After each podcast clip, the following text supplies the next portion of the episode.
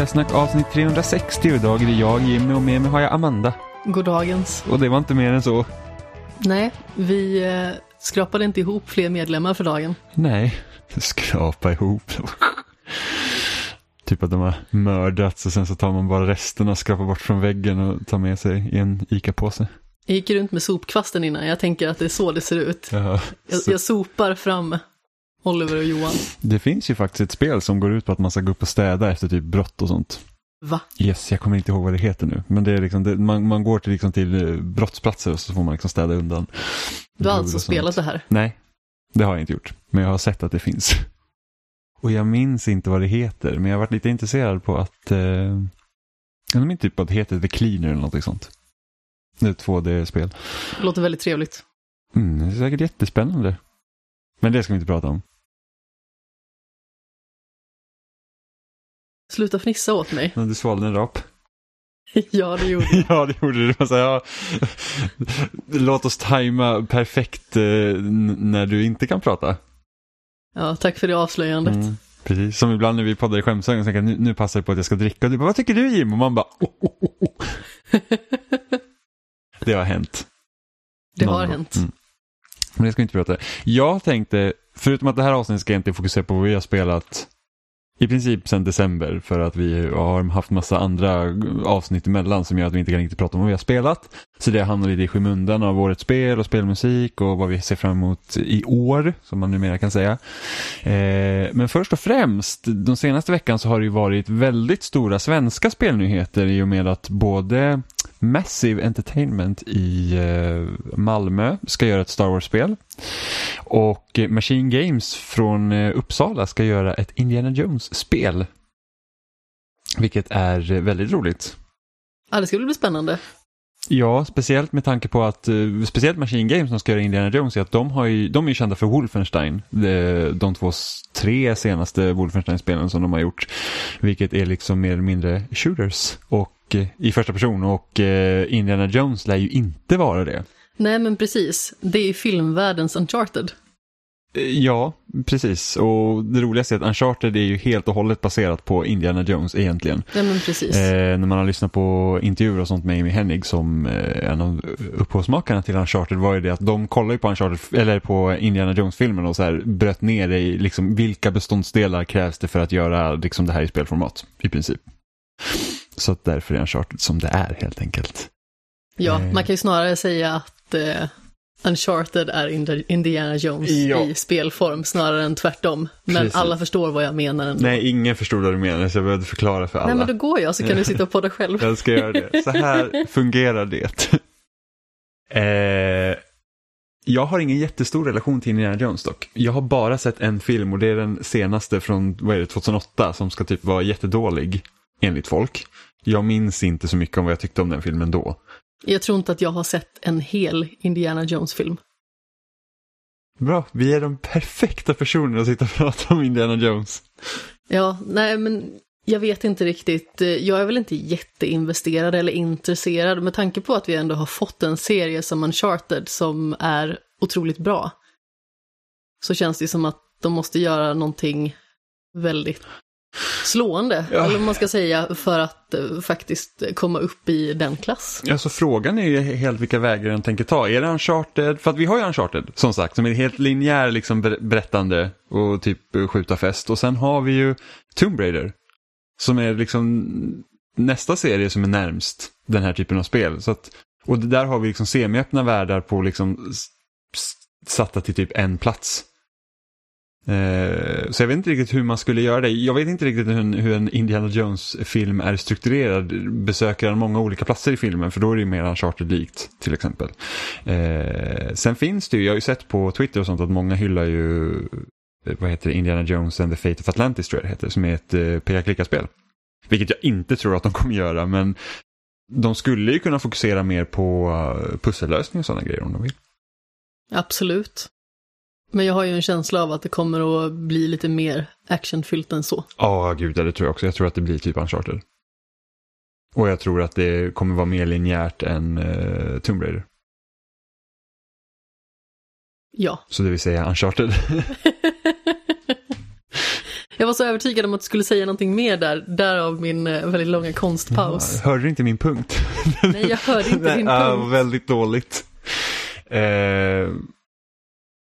men jag undrar, det som de är bra på, de är ju bra på att berätta historier och sånt. För att Wolfenstein är ju, alltså jag föredrar ju liksom storyn i Wolfenstein framför liksom hur man spelar dem. Jag tycker att eh, berättandet är väldigt bra, i alla fall i ettan och tvåan.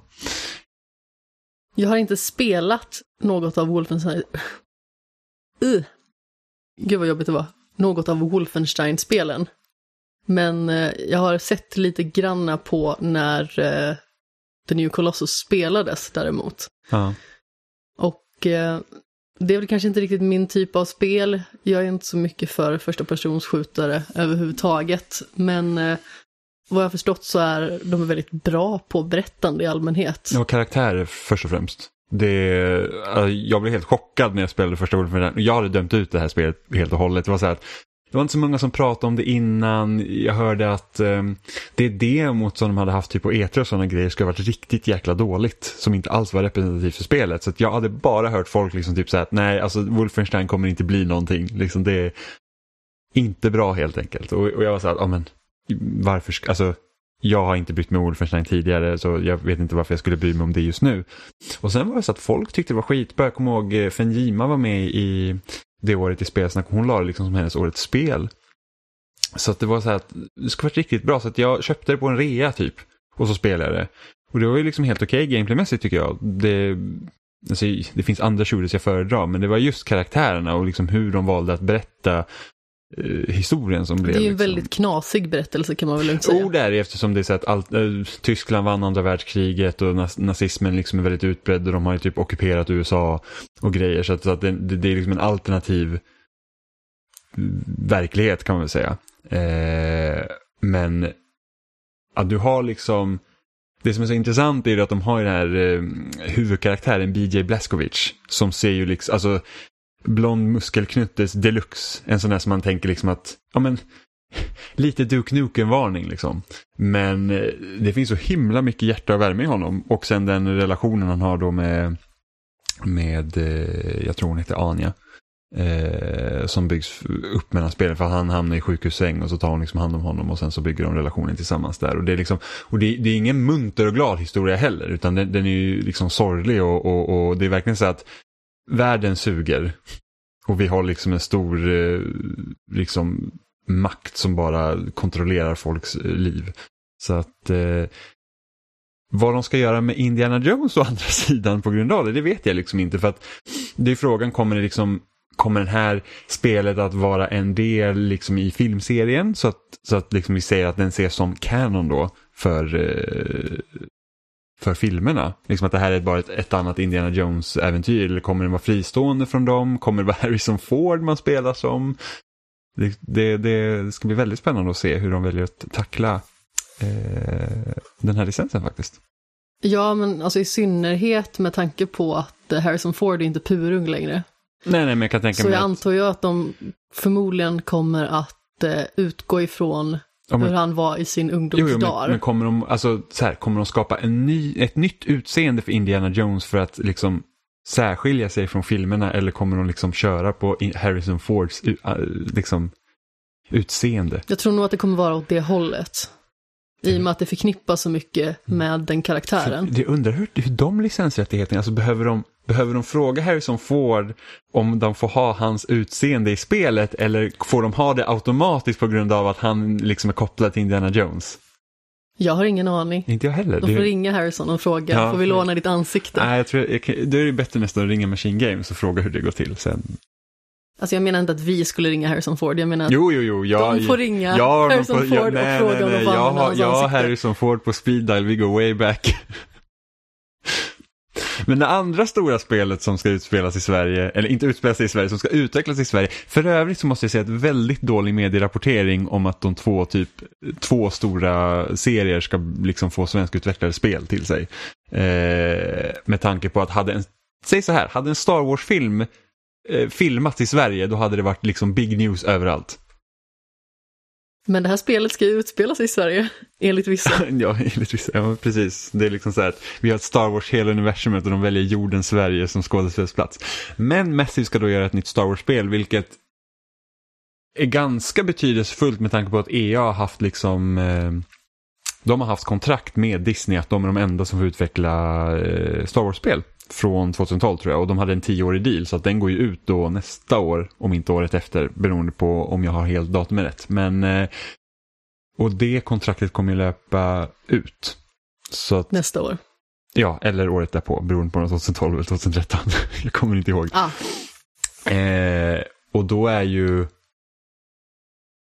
och då tror jag att de kommer liksom köra lite samma grej som de har gjort med Marvel-spelen. Där de att de binder inte upp en specifik studio som ska få göra, nu har vi den här studion som får bara göra Marvel-spel, utan de hittar studios som får ta hand om några av deras IP. Eh, det vill säga att Insomniac gör ju Spiderman, vi hade Square Enix som fick ta hand om Avengers. Sen vet inte jag om det finns några andra Marvel-spel under utveckling just nu som vi känner till, jag tror inte det.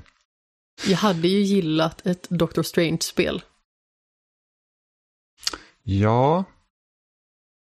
Jag tror nog att jag hade velat haft ett... Just det, men jag tror vi pratade här förut. Jag, jag tror jag skulle ha ett eh, spel med Green Arrow, faktiskt. Pilbåge och springa runt och jaga skurkar. Det är typ, det är typ eh, Batman med pilbåge, nästan. Syrsor. Nej, men Green Arrow. Alltså, jag har sett för mycket Arrow också, det är det. Inte för att Arrow är en jätte, jättebra tv-serie, men den, den duger. Är inte Green Arrow en DC-karaktär? Jo. Ja, just det. Det också. Det var ett jättestort problem. I min, eh, min logik här. Det, ja. Jag skulle ändå vilja ha ett Green Arrow-spel. Vad jag vill ha från Marvel vet jag inte. Jag har fått Spiderman och jag är ganska nöjd med det. Avengers-spelet var inte jättebra. Alltså jag har inte spelat det, men det såg dötråkigt ut. Mm, jag blev lurad av alla som bara, ah, men storyn är skitbra, storyn var jättebra typ första halvan och sen så bara, oj nu måste vi slutföra det här projektet och sen så blev det jättesnabbt mot slutet. Ja men alltså det känns som att det enda som är intressant med Avengers-spelet är Kamala Khan. Ja, hon var nästan jobbigt positiv dock. Ah, okej.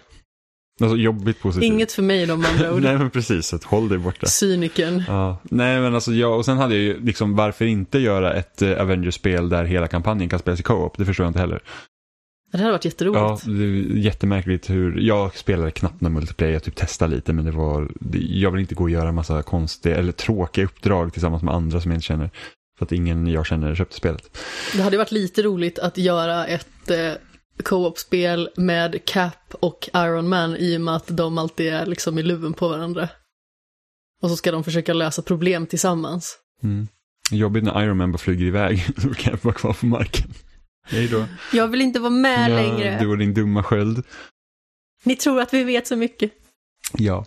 Eh, men i alla fall, Massive ska göra ett Open World Star Wars-spel.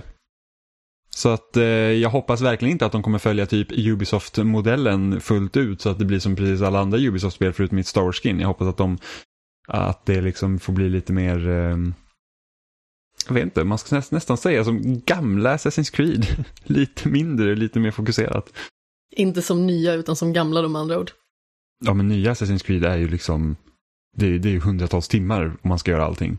Jo, jag vet. Men det var ju det som jag menade, att de ska försöka hålla sig Mm. till hur det var mer förr, snarare än hur det är nu. Men det var bara för att det, det, det blev ett skifte där hos Ubisoft. Att de, ett tag så var det så att nej men vi ska inte göra berättelsedrivna spel på samma sätt längre. För att tänk de första Assassin's Creed-spelen, de är ju väldigt mycket så att du spelar en story, det tar kanske 12 timmar att klara ut den. Liksom om du, om du går rätt på den. Och så ska alla tänka, åh vilken bra idé. Mm. Ja men precis, och då var det så att ah, nej, men vi, eh, vi, vi har de här stora öppna världarna så att det, det är viktigare att man sätter liksom spelaren i fokus så man har spelardrivna berättelser istället. Så att det är liksom så att ah, det händer något, ja, men, typ eh, de senaste Ghost Recon-spelen är ju bra liksom, eh, exempel på det. Eh, för de utspelar sig på enorma kartor, storyn är inte alls någonting hänger gran utan det är bara så här, gör konstiga saker typ. Det, det händer massa skit. Eh, typ Just Cause slash GTA liksom, när man springer runt i typ multiplayer i, i GTA. Alltså jag föredrar ju en bra berättelse framför konstiga saker. Ja, ja absolut, det, det gör jag med. Så det, speciellt när man liksom har spelat Ubisoft-spel som har varit storydrivna. Eh, och sen så tror jag att ja, de senaste Assassin's Creed-spelen, både Odyssey och Valhalla har ju varit, haft väldigt mycket story också. Tillsammans med massa annat liksom eh, dravel. Så... Jo men den är inte så komprimerad utan det är ju sån berättelse som eh, man får ta del av under väldigt lång tid.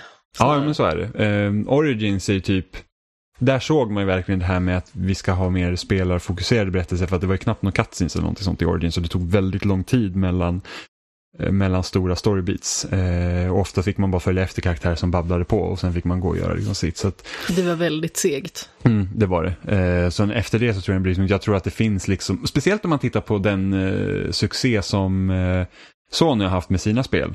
Eh, som är väldigt eh, enspelarfokus. De har ju liksom inga större titlar för multiplayer egentligen utan det är ju verkligen satsat på för den en, enskilda spelaren och det liksom säljer bra för att folk vill ha det. Alltså det är så här med alla trender, man kan inte göra hur många spel av samma mall som helst för att folk tröttnar. Det är typ som när folk så här, när World of Warcraft blossade upp och då var det så att, ah, men då ska alla göra ett MMO. Eh, när eh, League of Legends var jättestort, då skulle alla göra ett så här MOA-spel. Eh, Battle Royale, då ska alla göra ett Battle Royale-spel. Det är så att, men Va? Samma med Destiny, det är också ett jättebra exempel. Destiny kom ut och sen så bara, ja ah, men nu måste vi också ha vårt Destiny-lika spel. Och det är så att, men varför skulle de som spelar Destiny vilja ha ett annat Destiny? De ja, alltså har ju man... sitt Destiny redan. Så att det blir det problemet. Man måste ju ha en väldigt säregen idé om man faktiskt ska kunna locka över folk till att spela det, om det är i grunden exakt samma sak. Mm. Sen kan man ju säkert hitta lite ströfolk som hoppar på. lite löst folk. Ja, men att man hittar liksom ett spel som man tycker om. Men det är liksom, marknaden kommer ju mättas. Och det är väl lite det som Ubisoft har varit ganska bra på, att mätta sin egen marknad. Men som i höstas, de släppte Watch Dogs Legion, Assassin's Creed Valhalla och eh, Immortals Phoenix Risings eh, typ inom några veckor av varandra. Och de är ju väldigt lika i, i sin struktur. Och det är typ så minst 300 timmar spel sammanlagt. Ja, precis. Och sen så ja, stora öppna världar med en enorm... Man kan liksom, ju laja runt mer än så naturligtvis, men jag drar det liksom över ett bräde sådär. Ja. Så säg att det kanske är 100 timmar per spel. Ja, gud. Det är helt jag, galet. Ja, jag spelade Valhalla i 110 timmar tror jag. Och då rensade det hela kartan. Och då var, då var jag klar tror jag med spelet typ timme 45. Och så resten av, resten av timmarna gick ut på att bara rensa kartan, så det tog sin lilla tid. Det är vad man kallade laja. Mm, det gjorde jag. Eh, men väldigt kul för, eh, för eh, svenska studios helt enkelt, att vi får sådana stora, stora serier som, blir, som får utvecklas i vårt hemland. Hurra, hurra. Konungariket Sverige. Vad är det som händer nu? Ja, men vi har, det har som sagt, det har gått massa veckor sedan vi hade ett vanligt avsnitt. Sen vi hade ett vanligt avsnitt där vi pratade om faktiskt vad vi har spelat och vi har spelat en hel del de här senaste veckorna så jag tänkte att du får börja och ta ton. Oj, ska jag börja? Ja. Alltså jag blev klar med Cyberpunk och det har vi pratat om så himla mycket så det känner jag att det är liksom ingen mening att jag babblar på om det något mer. Däremot så blev det första spelet som jag klarade i år God of War. Mm. Efter många om och men. Nu ser Jimmy väldigt besviken Jaha, ut. Nej, nej, jag ser inte alls besviken ut. Men det har varit där, God of War har varit på tapeten ett tag. Det är så att du måste spela God of War. Jag har försökt få Robin att spela God of War också. Alltså jag vill jag... inte vara sån, men God of War har varit på tapeten sedan dag ett. Ja, men precis. Så det har varit väldigt länge. Ja. Och sen kom vi in i ditt liv och så fortsatte prata om God of War. Ja. ja, punkt. Nej men alltså, God of War började jag ju spela dagen det släpptes, i stort sett.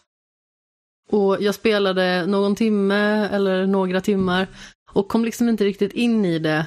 Och jag tror att felet jag gjorde var att jag släppte Nino Kuni 2 som jag var väldigt inne i och var väldigt investerad i. Gick till ett spel som inte klickade direkt, blev missnöjd, blev besviken och sedan så ville jag inte spela någonting alls. Så God of War har blivit ett spel som jag har haft ett lite så här smygagg mot bara för att det förstörde två upplevelser för mig, om man säger så. Men nu det här året så har jag liksom fått ta tillbaka det, eller vad man ska säga. I och med att det är ett väldigt bra spel. Och eh, jag faktiskt eh, plöjde det spelet i ganska så god takt. Ja. God of War förstörde också mitt Nino Kuni 2-spelande. Men det bara att jag tyckte inte att Nino Kuni 2 var speciellt bra, så jag återgick aldrig till det sen när jag var klar med God of War. Ja, men du har ju fel. Nej.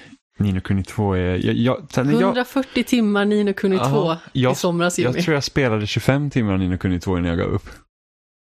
Ja, jag hade ju spelat 60 innan God of War kom. Mm. Nej, men jag tror för att det jag vill ha till JRPG är att jag vill ha liksom en story som jag kan följa. Och det är väldigt lite sånt i Nino Kuni 2 jämfört med ettan. Ja, fast jag tycker det är så himla mysigt att eh, piffa upp sin stad. Alltså jag trodde jag skulle gilla stadsbyggandet mycket mer men eh, det kändes inte som att jag hade någon, eftersom inte det fanns någon övergripande story som kände att den liksom tog tag i mig så kände jag att det var inte lönt att sitta och bygga sitt jäkla uh, kollektiv. Alltså ibland tar ju pluffdjävulen mig och då börjar jag liksom samla på mig uppdrag och eh, framförallt de här små uppdragen var ju det som jag gjorde så himla mycket av så att jag skulle kunna få nya invånare ehm, och därmed liksom kunna uppgradera mer. Men det är inte nu nu kunde två vi ska prata om utan vi ska ju prata lite grann om God of War. Jag har ju planerat att göra någon form av specialavsnitt i i alla fall skämshögen om God of War. Så vi kommer ju liksom inte plöja igenom eh, allt vad det handlar om och eh, sådant. Men jag tycker ju att eh, Santa Monica Studio har gjort ett väldigt bra jobb med att liksom ta Kratos in i den nya generationen, eller vad man ska säga.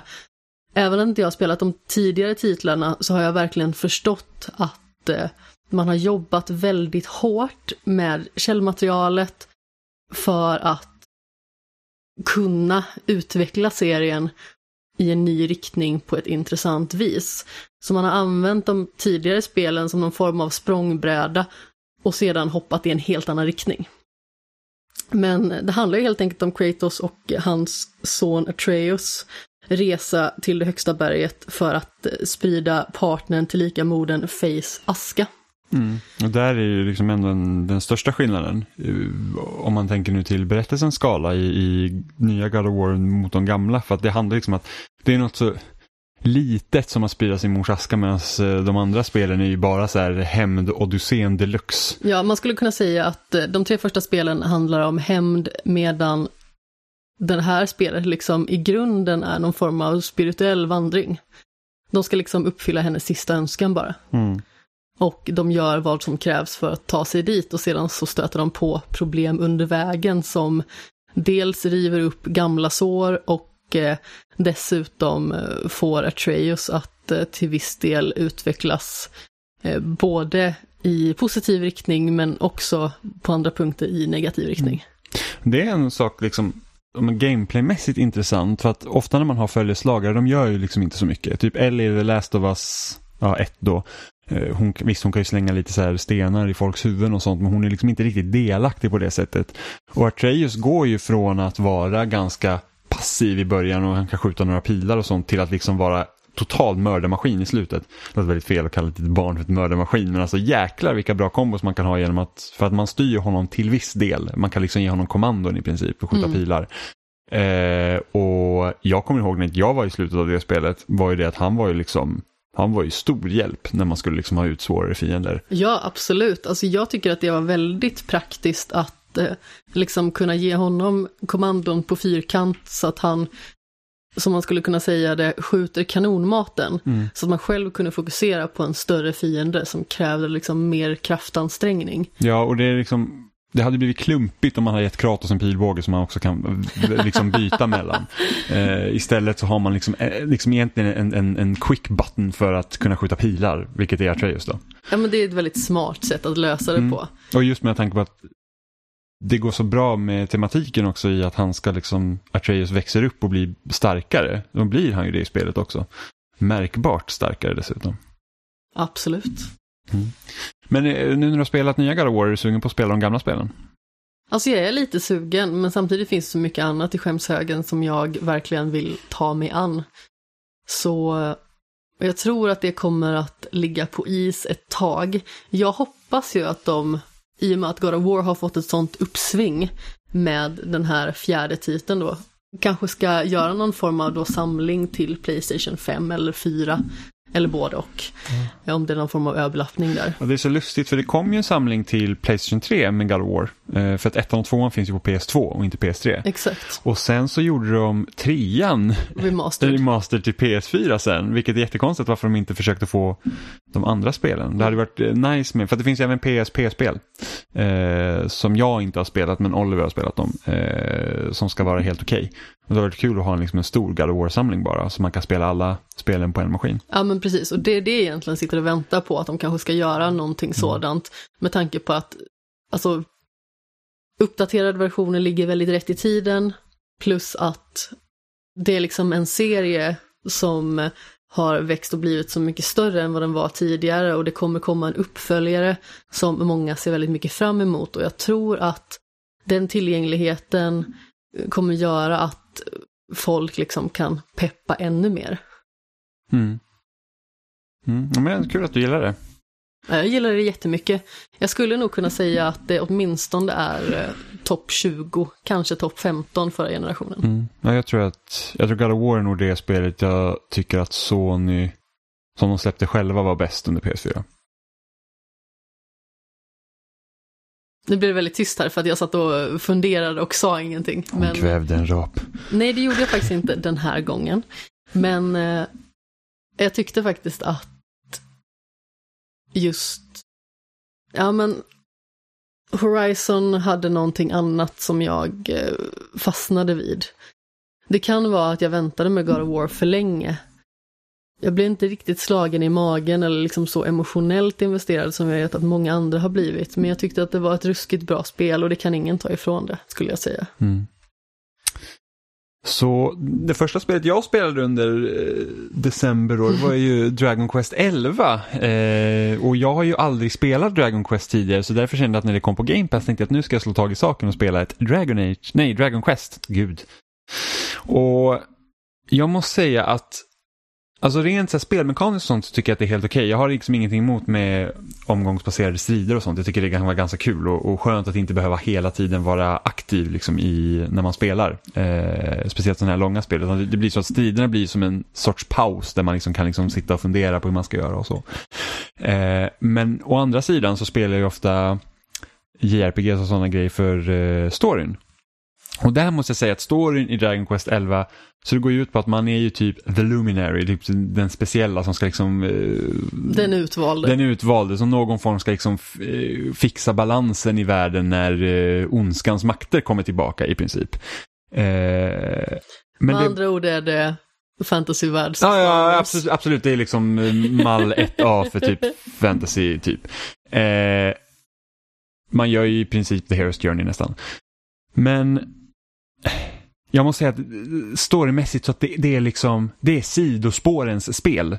Det är liksom sidospår på sidospår och det, det är ingen grej så att åh, jag kan göra sidequest om jag vill och gå därifrån utan nej, det här är en del av huvudstoryn så det tar så jäkla lång tid när man kommer någonstans. Det känns som att trampa vatten konstant.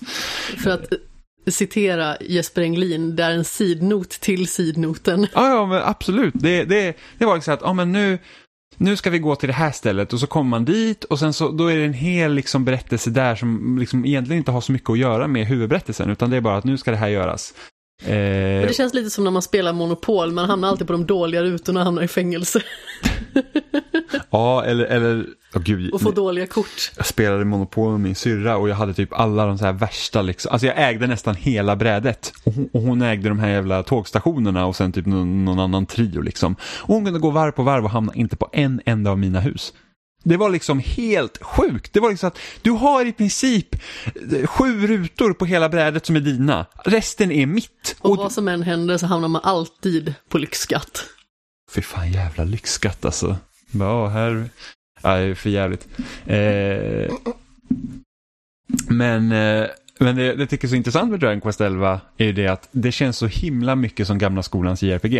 Eh, det känns som en serie där inte, jag har inte spelat fler Dragon Quest, jag vet inte hur det har varit liksom hela eh, liksom serien igenom, med tanke på att Dragon Quest och Final Fantasy är typ de två äldsta JRPG-serierna, så, så liksom, om man ska ge cred till Final Fantasy så är det det att de känns som att de förnyar sig själva med varje del. Det är liksom ingen, ingen del i Final Fantasy känns ju som den förra direkt. Liksom Final Fantasy 13 är jätteolik från Final Fantasy 15 som är olik från Final Fantasy 7 som är olik från Final Fantasy 6 som är olik från Final Fantasy 7 Remake. Medan Dragon Quest är så att ja, det känns som att jag spelar det här spelet hur många gånger som helst. liksom rent systematiskt.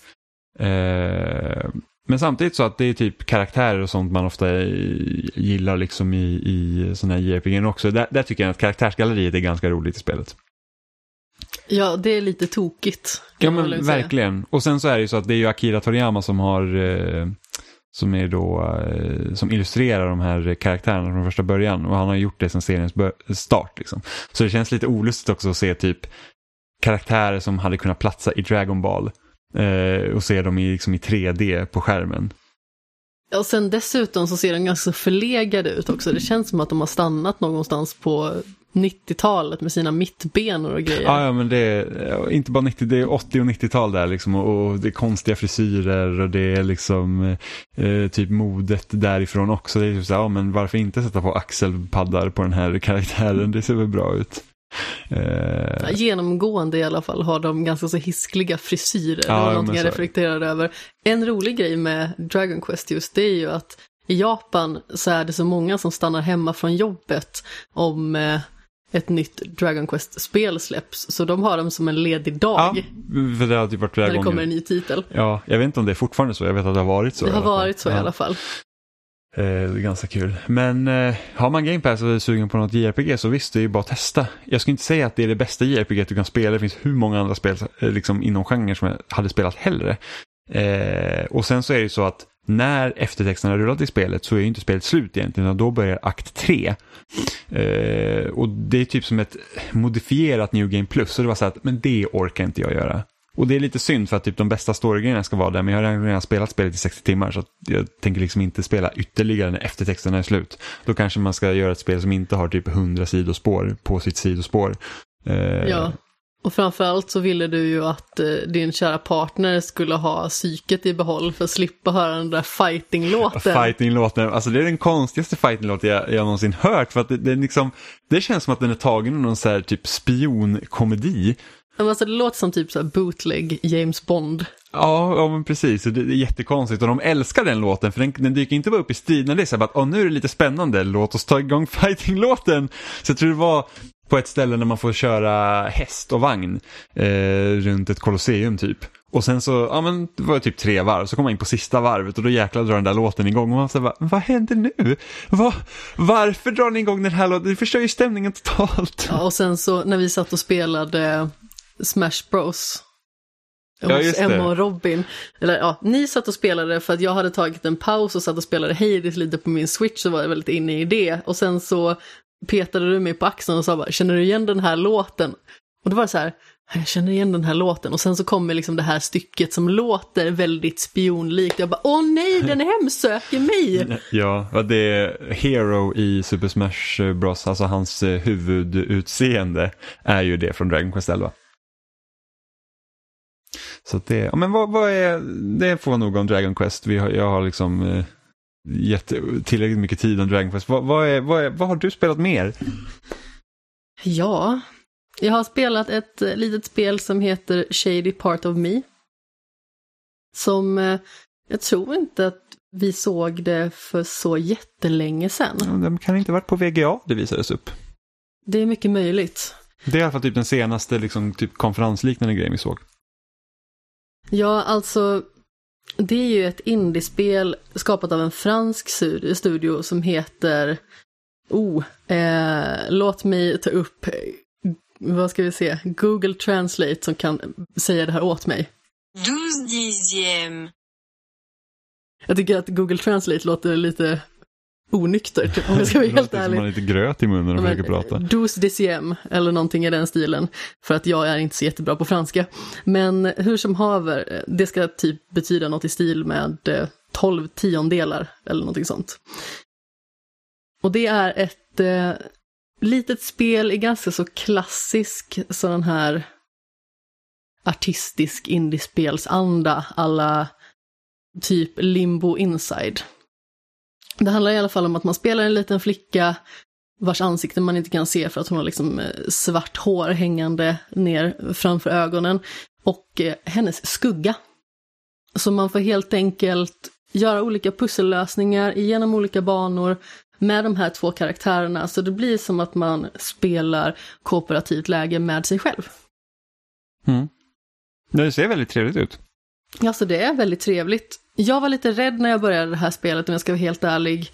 För att det skulle bli för limboaktigt. För att det jag tycker att limbo gör dåligt, det är att pussellösningarna är för ologiska. Ibland så sitter man och vrider och vänder hur länge som helst och man kommer aldrig fram till vad tusan det är. Även att man gör en sån grej som man försöker lura sin hjärna, att man går ifrån spelet, spelar något annat eller gör någonting annat, ska komma tillbaka med nya fräscha ögon. Och så ska man se det direkt. Det funkar inte ens i limbo. Man kan inte ens lura sig själv i limbo. Men eh, här så tycker jag att det fungerar väldigt bra. Det är aldrig så lätt så att det känns menlöst, men det är aldrig så svårt att man känner sig dum. Så att det känns ganska belönande när man klarar de här olika pusslerna. Och det är ett ganska så bra flyt i det hela. Vilket också gör liksom, upplevelsen ganska så njutbar.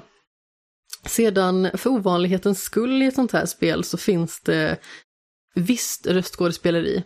Alltså det finns ju vissa titlar som har använt sig av det här Sea of Solitude, jag tittar på dig, det mm. fungerar mm. inte och the så last bra. Campfire känner jag också liksom Ja, lite... men precis. Alltså, jag tycker inte riktigt om narrerandet i de titlarna för att det låter forcerat och jag tror att det hade gjort sig bättre utan det. Ja, och speciellt i, i, i Shady Part of Me därför att de använder ju text väldigt mycket i rent det visuella. Liksom att, att när, när du springer över brädorna och sånt och ser man så här tipp-tapp, tipp-tapp. Ja, och eh, sen så uppe på väggarna eller i miljöerna så kan man se olika texter, alltså både sådant som sägs, för man får ju höra tre stycken röster. Jag tror att det är två stycken röster som görs av en röstskådespelerska och sen så har man liksom en tredje röst och de här rösterna, alltså dels konverserar de med varandra, men sen så kommer också uppmaningar och eh, funderingar. Både liksom som man kan se i miljöerna men också som man då hör av den här tredje rösten. Eh, lite kul kuriosa dock är att eh, det är röstsatt till stor del av Hannah Murray som spelar Gilly i Game of Thrones. Jaha. Så jag tror att det är hon som gör båda, vad vi säger, tjejrösterna då. Alltså både eh, huvudkaraktären och hennes skugga. Mm. Och eh, jag tror att det är skuggan som har den lite mer mogna rösten. Den är ganska så trevlig att lyssna på. Men sen så har vi den andra rösten som låter som ett jäkligt enerverande barnprogram. Och den hade de gärna kunnat få skippa alltså. Mm. Um, jag föredrar nästan när det är tyst i så fall, för att musiken är väldigt talande och den vandrar liksom mellan nästan lite så barnviseaktig musik ja, till någon... väldigt eh, mjuk och fin instrumentalt stämningsmusik. Mm, för att igår när jag hörde så var det någon känd barnvisa som var som bakgrund. Ja, alltså själva miljöerna är ju ganska så surrealistiska. Surrealistiska och eh, jag tror att man skulle kunna beskriva det som att det i stort sett börjar på någonting som ska likna ett barnhem. Men övergår till någonting som ser mer ut som en mental institution. Sedan så blir det tempel och det blir typ kloaker. Och det är väldigt surrealistiskt, precis som jag sa tidigare. Alltså, man går igenom ett bibliotek och så är det liksom korridorer som ser väldigt ödesmättande och läskiga ut. Eh, och när man går ner i en sån korridor, då kommer man tillbaka från fronten igen. Mm. Så det är liksom väldigt mycket sådant, så det är liksom inte riktigt eh, naturliga miljöer som att det är liksom ett stort hus. Eh, som det skulle kunna utspela sig i början då, utan allting vävs samman på ett väldigt surrealistiskt vis. Helt enkelt. Men som sagt, jag gillar det hittills. Det är tre akter långt och jag är ungefär halvvägs. Och jag skulle kunna uppskatta att det kanske tar en fem timmar eller någonting. Jag lär inte ta alla sådana här origamifåglar som man kan fånga längs med vägen för att vissa var för kniviga att plocka upp. Men eh, ja, jag tar så många jag kan helt enkelt för att om jag har förstått det rätt så får man liksom som en liten uppmaning också när man tar en sån här fågel. Så det kan vara kul att lyssna på. Eller läsa. Mm. Jag har också spelat pusselspel. Oj, oj. Jag spelar Wilmots Warehouse. Du har sorterat? Ja, sorterat. Så det här, Wilmos Warehouse, det är ett, ett litet pusselspel som går ut på att eh, man helt enkelt styr ett eh, varuhus helt enkelt. Man sorterar varor och ser till att eh, skicka ut de varor som blir beställda helt enkelt. Så, att, så att det liksom går på tid oftast, så att man har, eh, du får varor och så har du tid på dig att sortera upp dem och sen så, kom, så öppnar liksom då en, en, eh, en disk helt enkelt och där är det typ fyra personer som säger att ah, men det här vill jag ha. Du vill ha tre av det här, fyra av det här och fem av det här kanske. Och sen så får man liksom springa och hämta det. Eh, och efter varje då omgång, så en omgång det är liksom sorteringsfas, eh, utdelningsfas och sen är det liksom klart. Eh, och då får man alltid fyra nya varor som, som läggs till i, i ens varuhus. Så att man börjar bara med fyra och sen så ökar det på hela tiden. Så jag har, just nu har jag 168 varor och spelet är slut när det har kommit till 200. Oj. Yes. Eh, och, och då blir det så här att eh, Beroende på hur snabb du är så får du stjärnor så du, så du kan uppgradera dig, så du kan få till exempel lite robot som hjälper till att sortera. Eh, även om jag tycker att den roboten skulle kunna varit betydligt effektivare. För jag har till och med en uppgraderad version av den här roboten. Jag tycker ändå liksom inte att den gör så stor skillnad. Det är mer så att jag orkar inte gå iväg med grejerna. Eh, man kan liksom låsa upp nya delar av varuhuset så att det finns så typ stora träpelare typ i varuhuset så att de försvinner så man liksom får mer yta. Och så gäller det då att man får sortera helt enkelt. Eh, och se till att det är enkelt att komma runt överallt. För det är typ där jag är nu. Jag, jag liksom har ganska smala gångar och det blir så att ska jag ha så här många varor nu så blir det liksom svårt. För att, för spelet, liksom, du styr liksom en liten kvadrat som då ska eh, representera människan. Eh, och varje vara ser ju också ut som en lika stor kvadrat och då genom att eh, då får man liksom ta varorna då ställer man sig liksom bredvid varorna och så får man styra med stickan att man, nu väljer man den här varan. Så man kan liksom bli en jättelång liksom, rad bara varor när man går runt omkring. Så man länkar ihop varandra så man liksom bygger egentligen formen med sig själv för att kunna bära. Så den viktiga punkten är du, du måste liksom stå på ett sätt. Eh, och då måste man ju bygga, liksom sortera i varuhuset så att man liksom kan gå överallt. Och det blir lite jobbigt när, när man inte har det. Och nu har jag liksom, jag har liksom låst upp hela varuhusets maximala storlek och jag börjar liksom inte veta riktigt vart jag ska lägga alla varor. Ja, och framförallt så eh, kan man väl säga som så att eh, ditt lokalsinne är väl inte det bästa för den här nej, typen av spel. Nej, men samtidigt så att jag, jag, har ju, jag har ju en viss logik bakom hur jag sorterar grejerna så att, så att det är inte någon fara så. Problemet är ju typ när jag eh, inte har spelat på ett par dagar och ska ta upp det igen och så kommer jag inte ihåg någonting. det, det är det värsta. Det här har inte jag spelat. jag kommer ihåg att jag la det här någonstans och det är ingenting här. Eh, så att man kan inte riktigt förlora på det sättet för jag är, två gånger har jag misslyckats med att lyckas leverera alla varor i tid. Och då får jag bara inte de stjärnorna man får den, den omgången och då kan jag inte uppgradera mig. Så att det är liksom den skillnaden. Men då kanske man kan göra om den dagen eller? Nej, man fortsätter bara. Ah, okay, eh, du får fortfarande nya varor och sånt men du får bara inte uppgraderingsstjärnorna. Eh, så, vilket gör att det kan bli svårare för dig. Men just nu sitter jag så att jag har inga uppgraderingar kvar egentligen som är jättevärda att ta. Alltså som, som kommer liksom skill göra skillnad i gameplayet överlag. Eh, och, och, och, då gäller det bara liksom att klara sig till 200 och jag känner mig så att jag tycker spelet är jättekul, en jätterolig idé jag känner väl att jag hade hellre haft att man kan utveckla lite så att, ja men hur kan jag automatisera processen? Så, att, så att jag har den här roboten som kan gå och springa ut med grejer men jag hade gärna haft typ rullband och sånt som liksom börjar sortera automatiskt och liksom mer avancerade grejer för att det är den aspekten som är roligast i spelet. Automatisering är en av dina favoriter. Ja men jag älskar automatisering. Lex Stardew Valley. Ja, ja men jag älskar automatisering. Det är så här att, åh här är den här tråkiga skitsaken jag inte vill göra, hur kan jag göra så att den gör sig själv? Eh, det var ju det jag hade problem med Spirit Fair till exempel, var ju det att jag behövde alltid vattna de här grejerna, jag behövde alltid gå och plocka upp eh, nya saker. Och det var så att ja, men spelet handlar inte riktigt bara om det, så varför måste jag göra det här varje dag? Liksom, det finns ju ingen anledning till att jag skulle vilja ha fler trädgårdsland för det tar bara mer tid för mig att göra skittråkiga saker. Eh, så då hade jag hellre haft liksom, att jag kan automatisera. Hårt liv. Ja, eh, men det är typ som när jag och Robin spelar Minecraft. Vi liksom har ju byggt mobfarm, eller ja, främst Robin för han höll på med Redstone så jag tycker mer om det estetiska pillandet. Men ändå, det var så att ja, men vi bygger en vetefarm, vi bygger den här så det liksom kan sköta sig själv. Eh, det är sånt som är kul. Och det, det, hade jag gärna sett att det fanns mer i eh, William's Ware, alltså det liksom finns fler funktioner för att saker och ting ska liksom kunna hända själv. Eh, och sen så får jag såklart, för även om jag har den här lilla roboten som sorterar saker så måste jag ändå gå och kolla vad roboten sätter saker för att den sortering eh, tänker inte riktigt som jag gör ibland. Det är så att, ja men jag sätter alla de här varorna, inte bredvid varandra, jag sätter dem på en rad så att det tar upp massa konstig plats. Och då måste man liksom gå och rätta till det. Men det, det är lite, lite hjälp för att man inte ska behöva liksom släpa på allting själv. Eh, men liksom de senaste kanske eh, två, alltså typ 14 dagarna i spelet har ju liksom känts lite för lika för att jag ska tycka att det ska vara tillräckligt spännande. Och sen med tanke på hur många varor jag har också så är det ofta de varorna som de begär vid disken är ju i princip samma som jag haft från början. Och kanske de slänger in någon ny vara ibland, men oftast är det inte det. Så då har jag ju ett varuhus där massor av platsen går ju bara åt till att stora varor som ingen vill ha. så det är lite kul. Eh, men det är ett jätte, jätteroligt spel. Jag, tycker verkligen att idén är superbra. Det är, liksom simpelt, man ser spelet, det ser liksom minimalistiskt ut. Eh, och det finns på Game Pass. Så har man det så, är, så kan man spela där. Jag tror det har funnits på PC sen, eh, om det släpptes förra eller för förra året. Eh, och jag tror inte det kostar så mycket heller. Jag men... tror att det släpptes 2019, mm. för jag för mig att eh, Kiki och Alicia nämnde det Ja, men det är, det är mycket möjligt.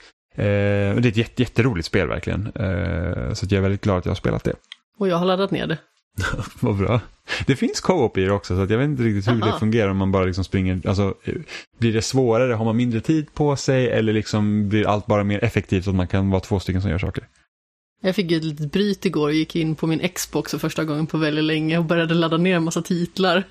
Ja, det brukar jag också göra ibland när man vill Game Pass-titlar och sen så bara, är det där vill jag inte spela nu, är det där vill jag inte spela nu. Så jag har ju hela här, Tim Schafer-sviten på min Xbox med Day of the Tentacle, uh, Full Throttle och uh, uh, Grim Fandango mm. som jag ska spela någon dag. Jag laddade ner tio spel igår. Det som tog längst tid var att uppdatera, för det har jag inte gjort på ett tag. Ja, blir det så. Men så då laddade jag ner Moonlighter och The Passenger Heter, nej, The Messenger heter det. Messenger. Herregud, det är en, det är en låt och en film. ehm, och Ingen bra så, film. Jag har inte sett den för att det vill jag inte. Nej, för den är inte bra. ehm, och sen så Haven som vi ska spela, men jag laddade ner det för att jag vill ha den då. Och lite sådant. Så det kan bli spännande om jag faktiskt tar mig an någon sådan titel.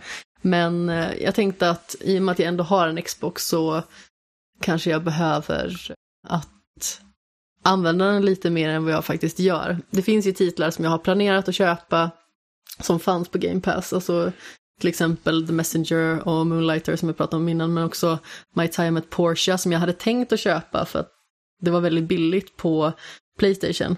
Och eh, då struntade jag i det och sen så upptäckte jag att det fanns på Game Pass och då laddade jag ner det där istället. Mm. Ja, det känns lite dumt att betala för Game Pass och inte använda det. Ja, alltså det är ju lite onödigt. Det har ju blivit så himla konstigt för mig för att jag kommer ihåg när Game Pass kom. Då var jag så att nej men det där är ingenting för mig för det var typ gamla 360-spel och Xbox One-spel som jag redan hade köpt. Så det var så att det är inte värt det.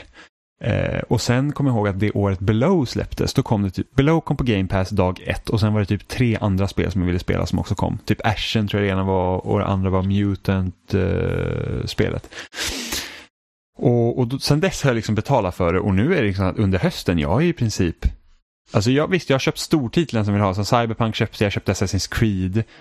Eh, men annars är det så att ah, men mycket av det jag vill spela på har ju kommit på Game Pass. Eh, Bland dag annat. Eh, Call of the Sea. Ja, det kom på Game Pass. Eh, så Call of the Sea är ju ett det är ett eh, första personspel som är väldigt berättelsedrivet, typ Firewatch.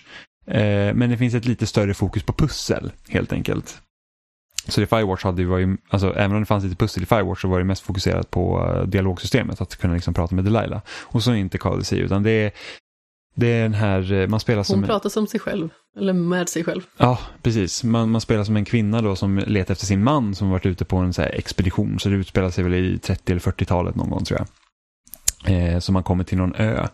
Och så ska man leta efter eh, hennes man då som varit där. Och så finns det en massa pussel på ön så att komma vidare och så. Eh, så det var ett väldigt trevligt spel. Tycker jag. Eh, absolut spelvärt. Eh, jag har sett att många tycker att det var helt fantastiskt. Jag håller det inte lika högt. Jag tyckte att visst, storyn var väl intressant men liksom det som gjorde att Firewatch var speciellt till exempel det var ju det att du fick ju se den här relationen mellan Delilah och eh, jag kommer inte ihåg vad huvudkaraktären i Firewatch heter. Oj. Jag kommer inte heller ja, ihåg, nej, men i alla fall, naturligtvis. Men det, det kändes liksom hela tiden att man kunde liksom bolla med en annan person medan i Call of the Sea så är det liksom att hon pratar med sig själv och hon pratar lite om eh, liksom, pussellösningar och man får veta lite om hennes man och, och, deras relation och så men det är liksom inte, jag har ju inte någon annan att interagera med och då blir det lite tråkigt tycker jag. Henry, Henry precis. Eh, men det är också så ett, ett, ett, väldigt eh, spelvärt spel. Eh, som jag absolut tycker att man ska prova om man gillar spel som Firewatch. Och vill ha lite enkla pussel. För att pusslen, alltså ofta kommer man på ganska snabbt hur man ska göra pussel så det är inte så att man sitter fast jättelänge. Det var bara ett enda pussel som jag inte fattade. Och trots att jag hade lösningen sen så fattade jag fortfarande inte varför, hur jag löste det. Det är liksom bara så att jag, jag, och jag kollar guider på YouTube och sånt som liksom förklarar pusslet för mig. Så att jag liksom vet vad det var man skulle titta på för att ledtrådarna man får i spelet är ju liksom, jag tycker inte de stämmer överens med pussellösningen. Ah, ja, det är lite besvärligt. Och jag vet liksom inte, och det är fortfarande, jag har inte sett någon som har löst det som har sagt att ah, men det, det här är vad man tittar på, det här är varför det ska vara så här. Utan det är bara så att nej men vi tar med sättet och så är det klart sen. Eh, men annars var det, det var ett väldigt trevligt spel. Vad härligt. Jag har eh, spelat Tricky Towers. Vad är Tricky Towers? Ja, alltså det är av en utvecklare som heter Weird Beard. eh, man skulle kunna säga att det är partyspels-Tetris med sladdrigare fysik och med trollkarlar. Oj, det var en, en blandning. Ja, alltså jag älskar att du sitter här och låtsas som att du aldrig har sett mig jag spela har det här. ingen aning om vad Tricky Towers är för Oj, någonting. vad är det här för någonting? Ja, Nej men precis som jag tidigare sa så har man Tetris-block och man ska placera ut dem på ett eh, litet hus eller någon form av plattform. Och man har olika typer av uppdrag. Alltså jag spelar någonting som kallas liksom prövningar då. Och det är 50 stycken och jag tror att jag har tre stycken kvar. Och det är lite olika typer av prövningar. Det finns en med en laser till exempel, så att man ska placera ut de här Tetris-blocken eh, på ett så effektivt sätt som möjligt så att de inte överskrider lasern, för då har man förlorat.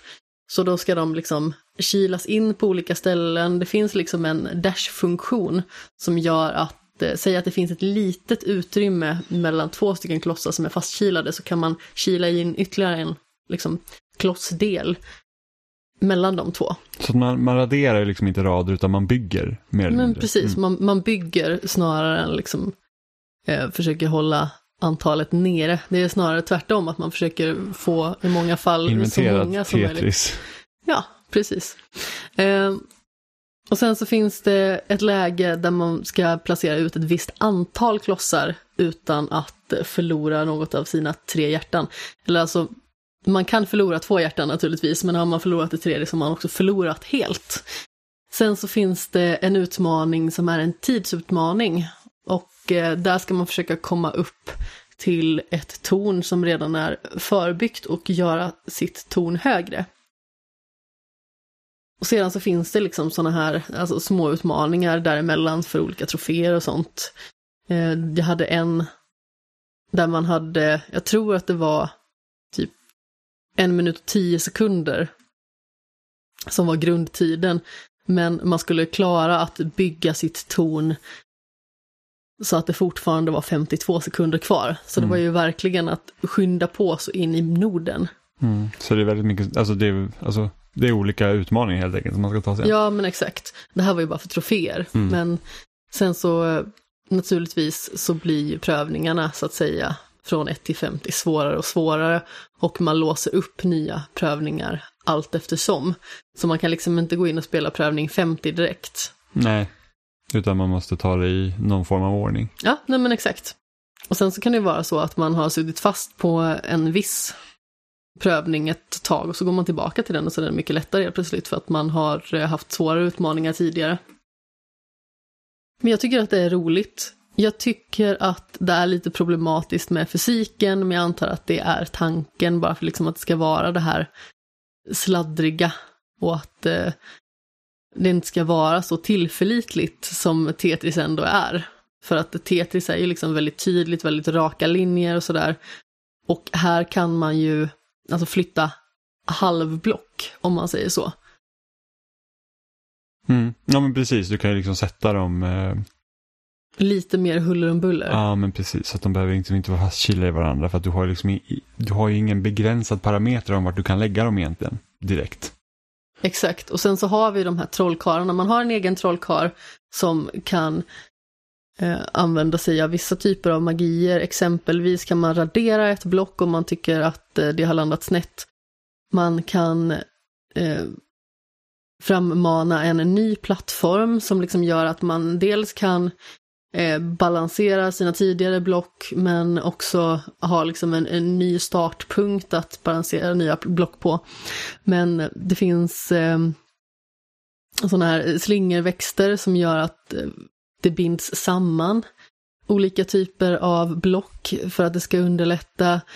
Eh, Det finns eh, block som kan bli förstenade, som gör att de blir liksom mer alltså cementerade i miljön. Mm, så de blir som en plattform istället för att Exakt. de blir rörliga block. Ja, och sen så finns det en skurkaktig trollkarl då på andra sidan som kan göra att blocken blir extremt stora.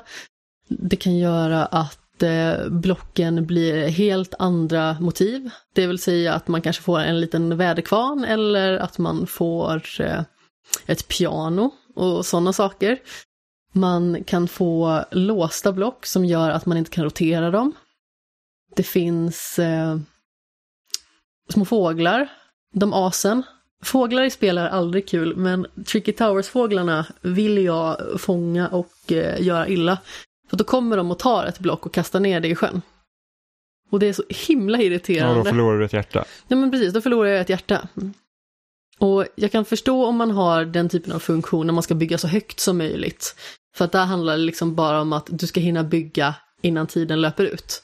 Men när det är att man har liksom ett visst antal hjärtan och att de kastar ner den, det är superstörande. Sen så finns det också någon form av ballongfunktion då, att det kommer en ballong och så sätter den sig fast i ett block. Eh, och man kan, jag tror man kan typ spräcka ballongen eller någonting sånt, men eh, ballongen gör ju att eh, blocket inte kan färdas lika fort ner som man kan i vanliga fall. För precis som med till exempel Tetris eller Tetris Effecto som jag spelar väldigt mycket den senaste tiden så kan man ju skynda på nedfarten av eh, blocket. Men det är roligt. Jag har som sagt bara några få utmaningar kvar och jag skrev med Niklas Sintorn häromdagen på Twitter och han skriver att eh, han tyckte att det var ett mycket roligare partyspel till exempel. Och jag har spelat det lite som partyspel, men jag tycker att det funkar väldigt bra Alltså som enspelarupplevelse också. Mm. Men jag antar att man säkert i, i multiplayer kan börja skicka magier mot varandra och göra det precis Jag som... för mig det. Ja, eh, Jag det... testade en online-match igår. Det var inte roligt. Nej men det, det är lite så här oroväckande när man ser att ranknivån på den du möter står så här mästertrollkar och så står det novis på dig och man säger ja det här kanske nog inte slutar så bra. Nej. men precis, och sen så är det förmodligen så himla många som spelar Nej och de som spelar det är sådana riktiga as som bara spelar det, det spelet. Ja, ja men exakt. Så det var bara en person av fyra som kom in, förutom jag själv då. Ja. Och den personen var väldigt mycket högre rankad än jag. Det var- Så det var lite tråkigt. Samma sak när jag och eh, Robin spelade väldigt mycket Halo Wars. Och eh, där den högsta ranken var då general liksom. Och, och, och det var så få som spelade Halo Wars så man mötte nästan bara generaler. Så att vi fick ju liksom, vi lärde ju oss multiplayer-spelet genom att möta folk som egentligen var så mycket bättre än oss själva. Eh, så att eh, det blir så. Oftast. Det, är där, det är därför man ofta så här, när man ska spela multiplayer-spel, eller speciellt sådana som kanske inte blir jättestora titlar, är det att man vill gärna vara snabb på bollen så att man är där dag ett. Så att det inte blir så att man hoppar in ett halvår senare och sen är alla, alla mycket bättre än en för att det liksom kommer inte nya spelare för att de har tröttnat redan. Eh, jag har spelat ett till spel. Eh, som Jaha. är, ja, det har jag. Eh, som är Yooka-Laylee and the Impossible Lair.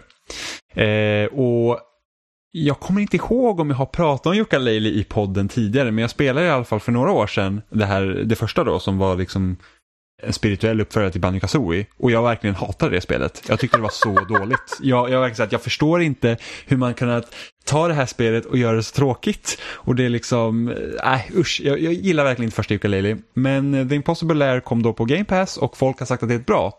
Eh, och till skillnad från att vara så här 3D-plattformsspel som det tidigare spelet var så är det liksom ett 2D spel istället. Så att det har mycket mer, eh, alltså om man säger att Yooka-Laylee är deras Banjo Kazooie så är The Impossible Lair deras Donkey Kong Country. Eftersom det är då folk som har jobbat på Rare som har eh, gjort de här spelen då. Eh, och, och det är rik, alltså det spelet är ett riktigt bra spel. Jag tror att det, det The Impossible Lair är det jag ville ha av eh, Donkey Kong Country Tropical Freeze. Som inte jag har spelat, däremot så har jag spelat första Donkey Kong Country till eh, fördärvet verkligen. Ja, SNES, alltså SNES-versionen. Ja, eller Mm. jag har spelat det framförallt på Gameboy. Ja, Jaha, kom det till Gameboy? Mm. Jag har det i min lilla låda där ute, du kan få lukta på det om du vill. Wow. Eh, och, och det jag tror som är så himla... Alltså de har verkligen lyckats vara så himla kreativa i det här spelet. Så du har... Eh, förutom liksom då de liksom traditionella plattformsbanorna så finns det också liksom en, en, eh, en, en värld att springa runt i. Så man ser typ man ser uppifrån och så går man liksom runt och så öppnar man nya vägar och eh, löser lite småpussel där. Jag tror att det liksom ger en extra kryddan till det här spelet. För det var liksom så att då är det inte bara plattformsbanor utan då kommer man liksom, ja men nästan som ett eh, litet mini-Zelda i det här spelet. Eh, och varje bana har två versioner av sig.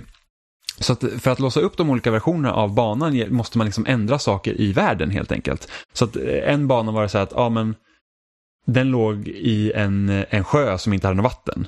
Eh, och då är banan på ett sätt och sen så öppnar man upp vattnet till den och då blir banan på ett annat sätt för då är den helt plötsligt under vatten. Så att på det sättet så, alltså de har hittat så många kreativa lösningar så det gjorde det jätteroligt. Och de alltid, jag tycker inte om egentligen att säga, åh, ska jag spela samma bana igen? Men de ändrade så mycket så att det kändes inte som samma bana utan de var verkligen radikalt annorlunda från varandra. Vad roligt. Eh, och, och, då var man alltså att varje gång man liksom låste upp en ny version av en bana så man såhär, oh, undrar hur den kommer se ut nu? För man, man har ju en viss kännedom om den, bara att de, de liksom kastar om saker. Eh, så det är verkligen ett jätte jätte, jättebra spel. Det såg rätt utmanande ut också.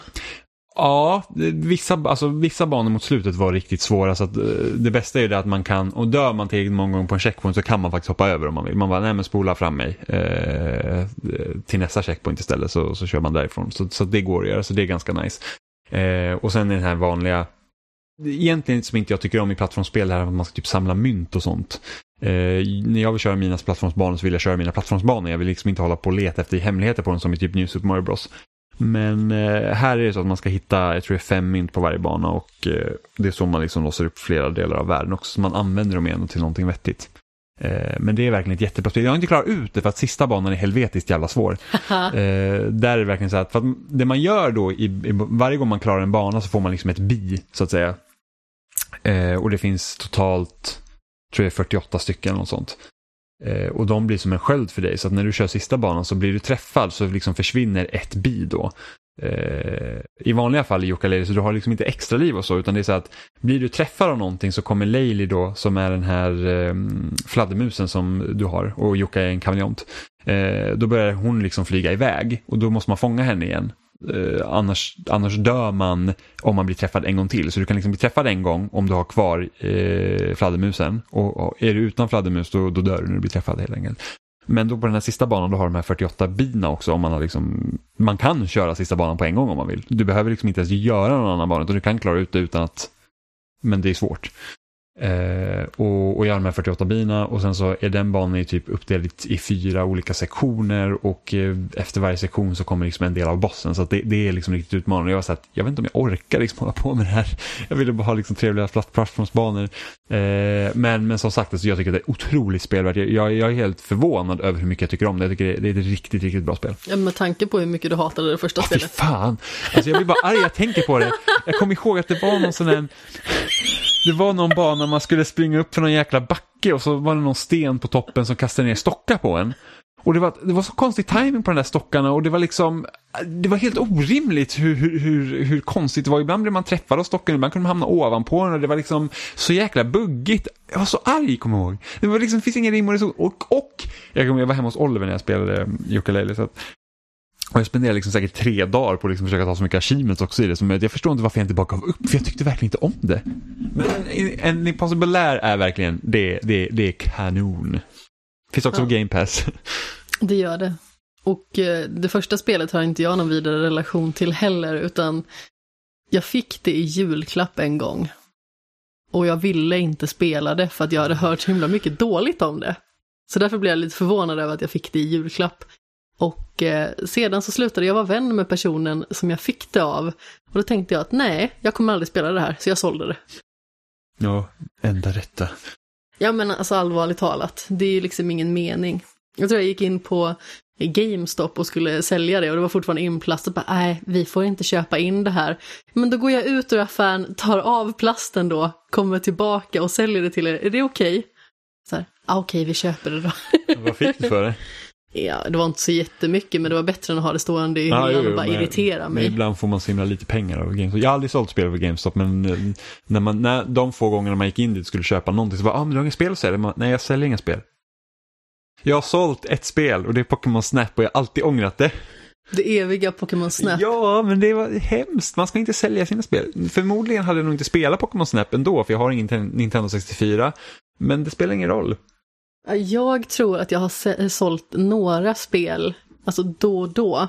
Men det är mest för att jag förmodligen aldrig kommer att spela dem igen och de är inte intressanta för mig.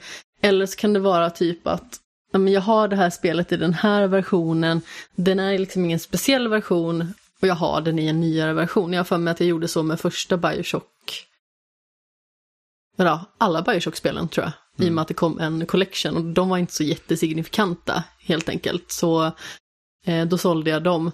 Sedan så försökte jag sälja eh, Final Fantasy 13.2 men de ville bara ge mig typ 16 kronor för det så kände jag bara så här att jag kan lika gärna behålla det. Då är det, det. inte värt det liksom. Nej, alltså det är nästan mer möda. Alltså vad kan man få för typ 16 spänn en Hubba Bubba liksom?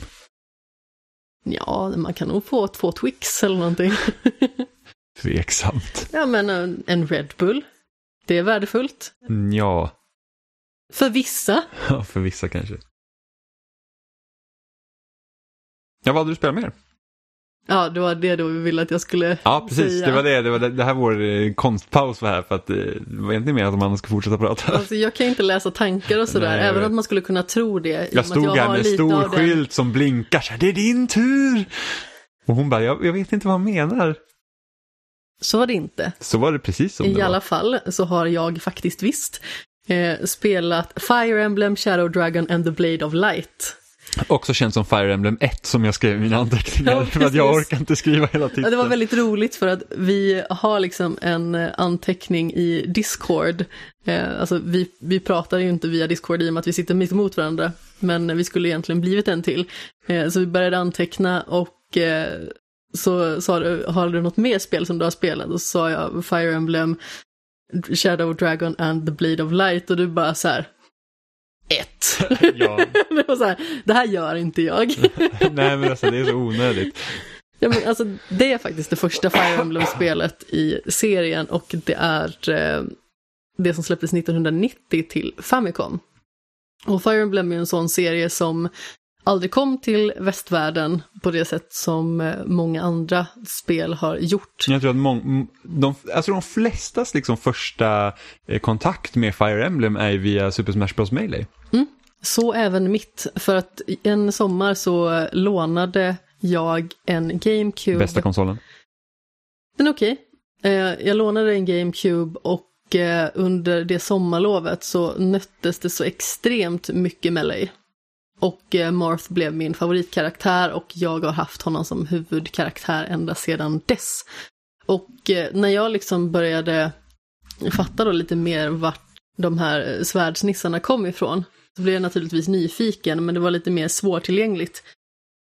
I och med att de äldsta spelen fanns ju till eh, Famicom och jag tror Super Famicom också, men sen så fanns det ju till Wii och GameCube och eh, GameCube behöll ju inte jag i och med att jag fick bara låna den. Och sedan så eh, när jag skaffade en Wii så var ju det Fire Emblem... Gud, nu händer det mycket. Det Fire Emblem-spelet var så vansinnigt dyrt. Ja. Det är det som är så kul med Smash tycker jag. Uh, just med att när de liksom kombinerar så många olika spelserier, det är att har man inte så stor kännedom om spel som börjar man med Smash så kan man liksom få, genom att se de här karaktärerna kan man bli intresserad av andra spel. Mm. Uh, för att GameCube var ju den första konsolen jag hade liksom i, vad ska man säga, rätt tid. Alltså jag, jag fick den konsolen när jag liksom började bli mer spelintresserad. Så att det här är ett stort intresse med att man har en Gameboy när man åker bil till exempel. Min syrra hade inte en 64 och spelade Mario Kart men det var inte så att jag hade koll på spel. Eh, GameCube blev liksom starten för det egentligen. Och, och, då, och Smash var mitt första spel och då var det så att ah, men jag vill ha ett spel från alla spelserier som finns med i Smash. Så det var liksom, ah, så här, Wind Waker, men jag kände till Zelda liksom. Men Wind Waker, Mario, alla de liksom Fire Emblem var ju när Path of Radiance kom till GameCube så var självklart jag köpte det. Kirby Air Ride, Donkey Konga, eh, F-Zero, så att liksom Star Fox. Så att det är jättemånga spelserier som jag har sett anledningen till att jag köpte eller liksom önskade liksom ett spel var ju för att de fanns i Smash. Mm. Eh, så det är fantastiskt. Ja, men det som Fire Emblem framförallt är väldigt känt för, och det är ju att eh, det är väldigt oförlåtande svårighetsgrad. Det är extremt svåra spel och framförallt så var det ju så förr.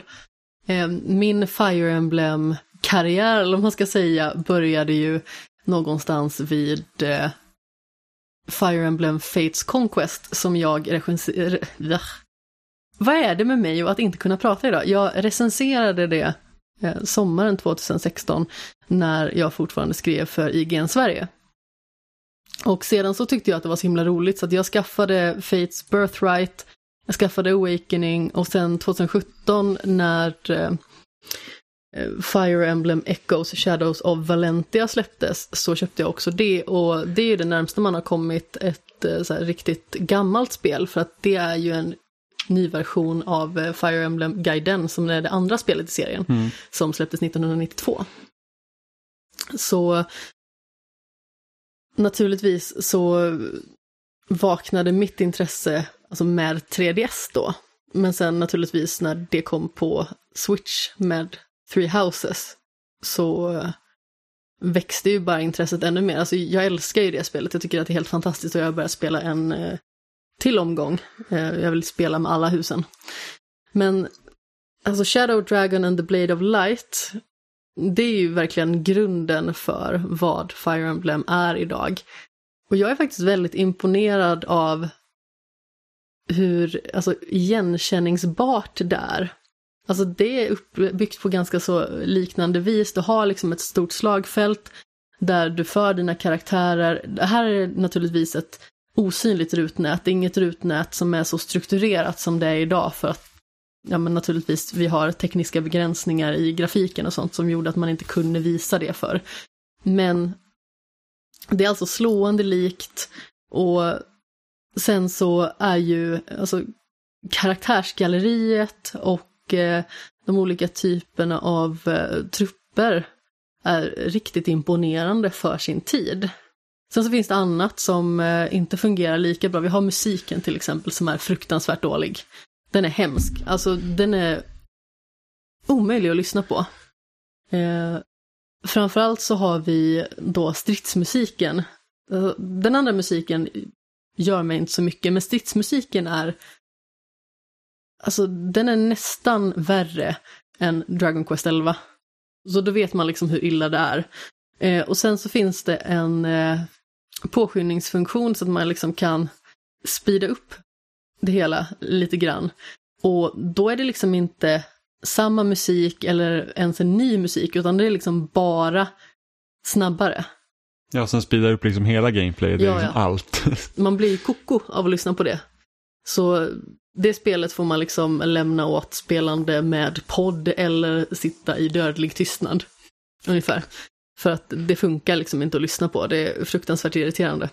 Jag kan inte riktigt bestämma mig om jag är jätteimponerad över att det första spelet är så pass likt de nya spelen, liksom att man har liksom grunderna där är så klara.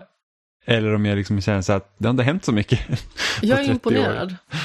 Jag är absolut imponerad för att det har ju hänt så otroligt mycket, alltså grafiskt och eh, liksom karaktärsmässigt. Och eh, sen naturligtvis så har man involverat mycket mer filmsekvenser och sånt. Så jag tycker att det är väldigt imponerande att man lyckas lägga en sån stark grund som fortfarande fungerar så bra idag. Fire Emblem var roligt då, även att det var ännu svårare, men det är roligt nu. Men om vi tar Three Houses till exempel, som ju är det senaste tillskottet i serien, så finns det så mycket mer där som man kan bli intresserad av. Framförallt så älskar du ju de här pinsamma tebjudningarna. Åh gud, de pinsamma tebjudningarna. Jag, jag, jag har förträngt dem. ah, hur fan vad hemskt det är. Man Jag tycker det var rätt massa- mysigt ändå. Nej, alltså man sitter bara, ja, jag vill egentligen inte vara här men eh, det är en funktion i spelet och eh, vi kan upprätthålla en relation med varandra här så att eh, vi måste tyvärr gå på den här tebjudningen. Ja, men alltså det här var ju första gången jag liksom brydde mig om en karaktär i Fire Emblem på det viset.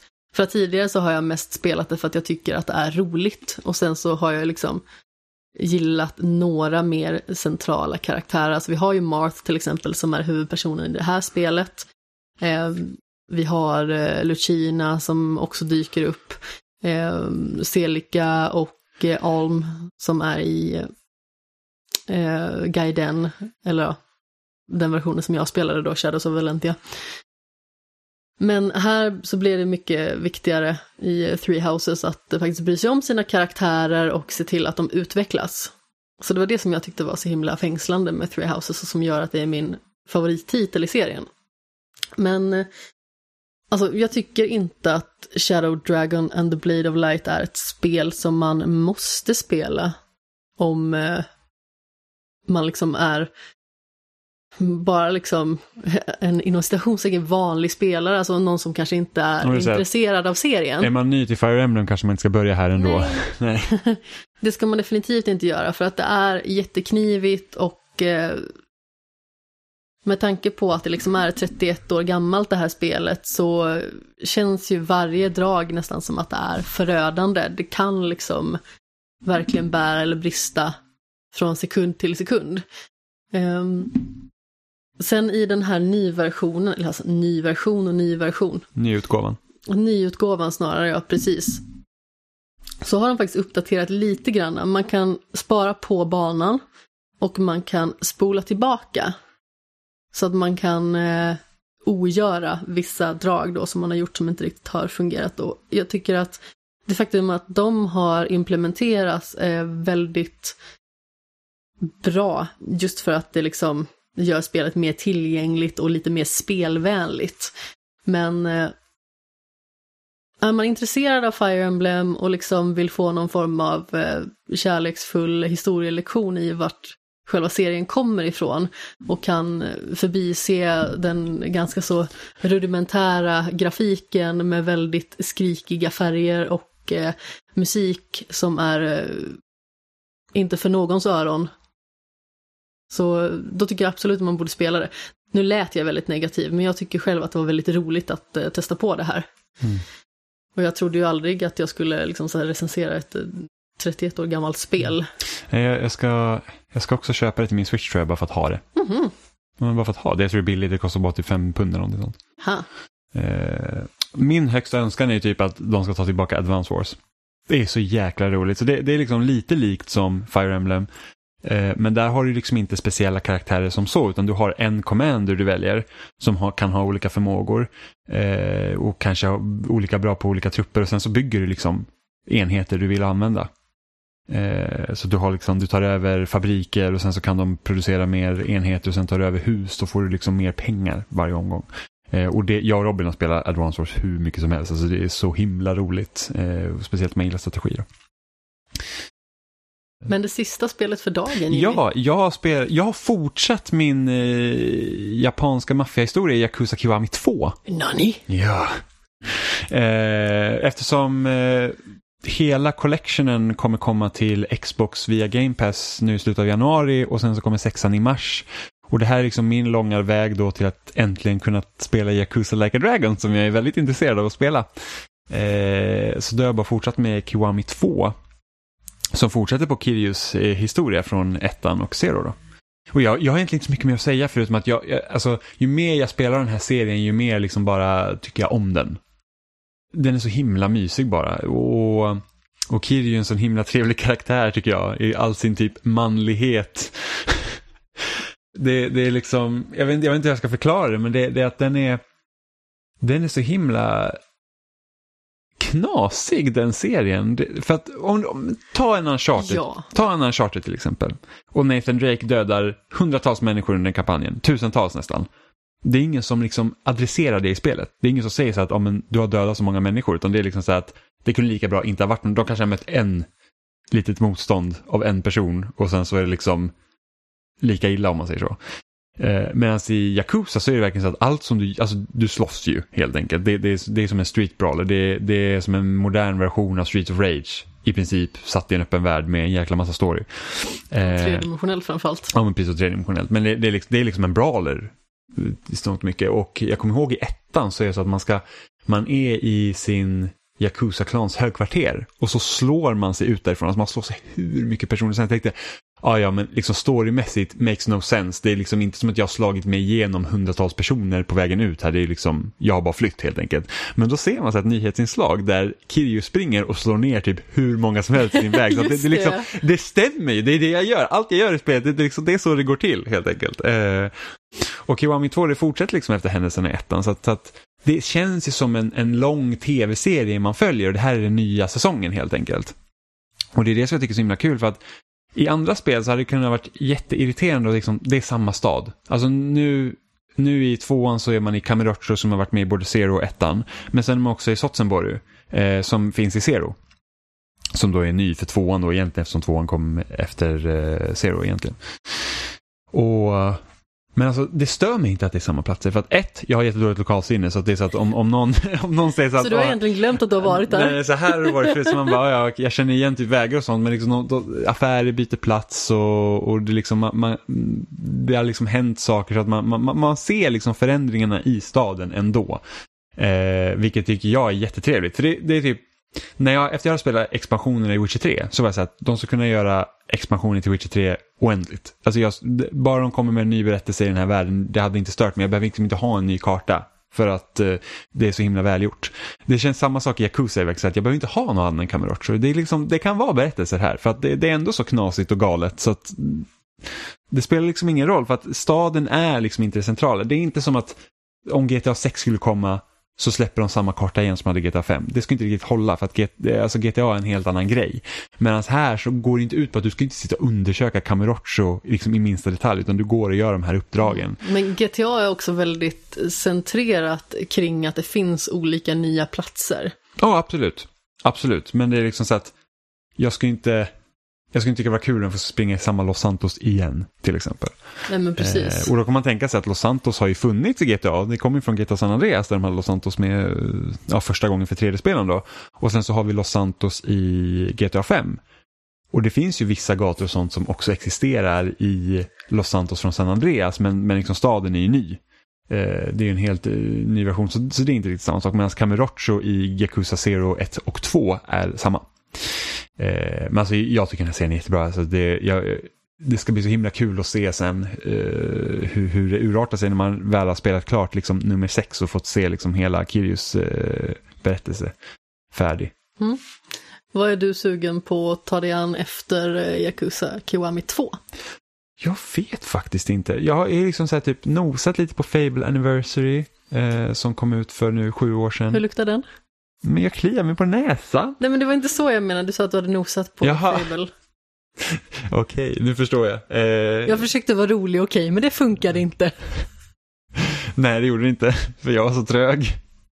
Eh, jag har ju spelat Fable förut på Xbox. Eh, men, jag har in, men så kom ju Anniversary-spelet och jag vet inte varför jag inte köpte det. Jag borde ha köpt det för det, det, det är någonting som jag rimligtvis borde ha gjort. Men det liksom blev inte av. Eh, och så att eh, det hade varit kul att testa. Eh, jag skulle vilja spela Splinter Cell-spelen såklart. Jag borde fortsätta på Kingdom Hearts. Så att det finns en hel del. Men jag, jag får se vad jag är sugen på. Jag hade inte planerat att spela Kiwami 2 nu. Utan det blev bara så för att jag tänkte, ja men nu är det dags. Och sen så 28 januari kommer eh, eh, Remastered Collection till Xbox. Så att, eh, då är det bra att vara klar med tvåan i alla fall. Innan det släpps så är det inte så att här kommer tre spel till. Helt plötsligt. Och de lär inte spela på rad heller. utan Man måste ha lite paus mellan dem. Ja, och Super Meat Boy Forever är ju TBA på Playstation. Det skulle ju komma i januari sa Ja, jag vet, vad som men man vet där. fortfarande inte vilket datum det är. Nej. Jag har väntat länge nog. Ja. Men så får man se då vad, vad, vad det blir. Det, det ser ganska skralt ut med släpp nu. De, de... I och för sig, vänta, vad är det som kommer i början av februari? Det är någonting som kommer i början av februari som jag vill spela. Jo, men eh, Super Mario 3D World kommer ju. Ja, och sen så kommer ju Persona 5 Striker som jag vill spela. Ja, det bryr jag mig inte riktigt om. Jag tycker inte om den typen av spel. Jag vill också spela eh, femman för att eh, jag fick det av dig i julklapp och jag har planerat att köpa det jättelänge och jag har inte gjort det och sen så fick jag det och så vill jag spela det. Men det är jättelångt och jag vet inte om jag vill spela något annat emellan. Okej, ja det är jättelångt. Alltså originalet tog mig 110 timmar att klara. Och jag tror att Royal är ännu längre. Men det hade allt vi hade för idag.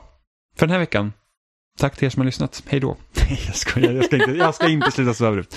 Eh, ni hittar oss som vanligt på spelsnack.com. Där finns också länkar till alla ställen vi finns som Facebook, Instagram och YouTube.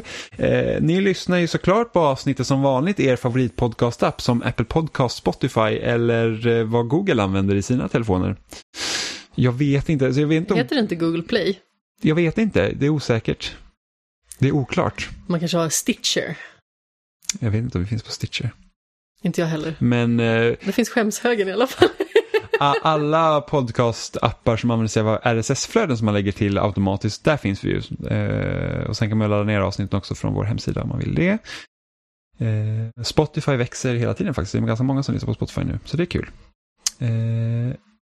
Ja, och ni kan också mejla till oss om ni har frågor eller funderingar till spesnack, nej, kontaktet.spesnack.com. Eh, ni kan också byta ut kontakt mot några av våra förnamn ni vill kontakta någon direkt. Och sen såklart kommentera på loading.se varje vecka om ni vill det. Eh, så vad har ni, eh, bara skriv, vad har ni spelat?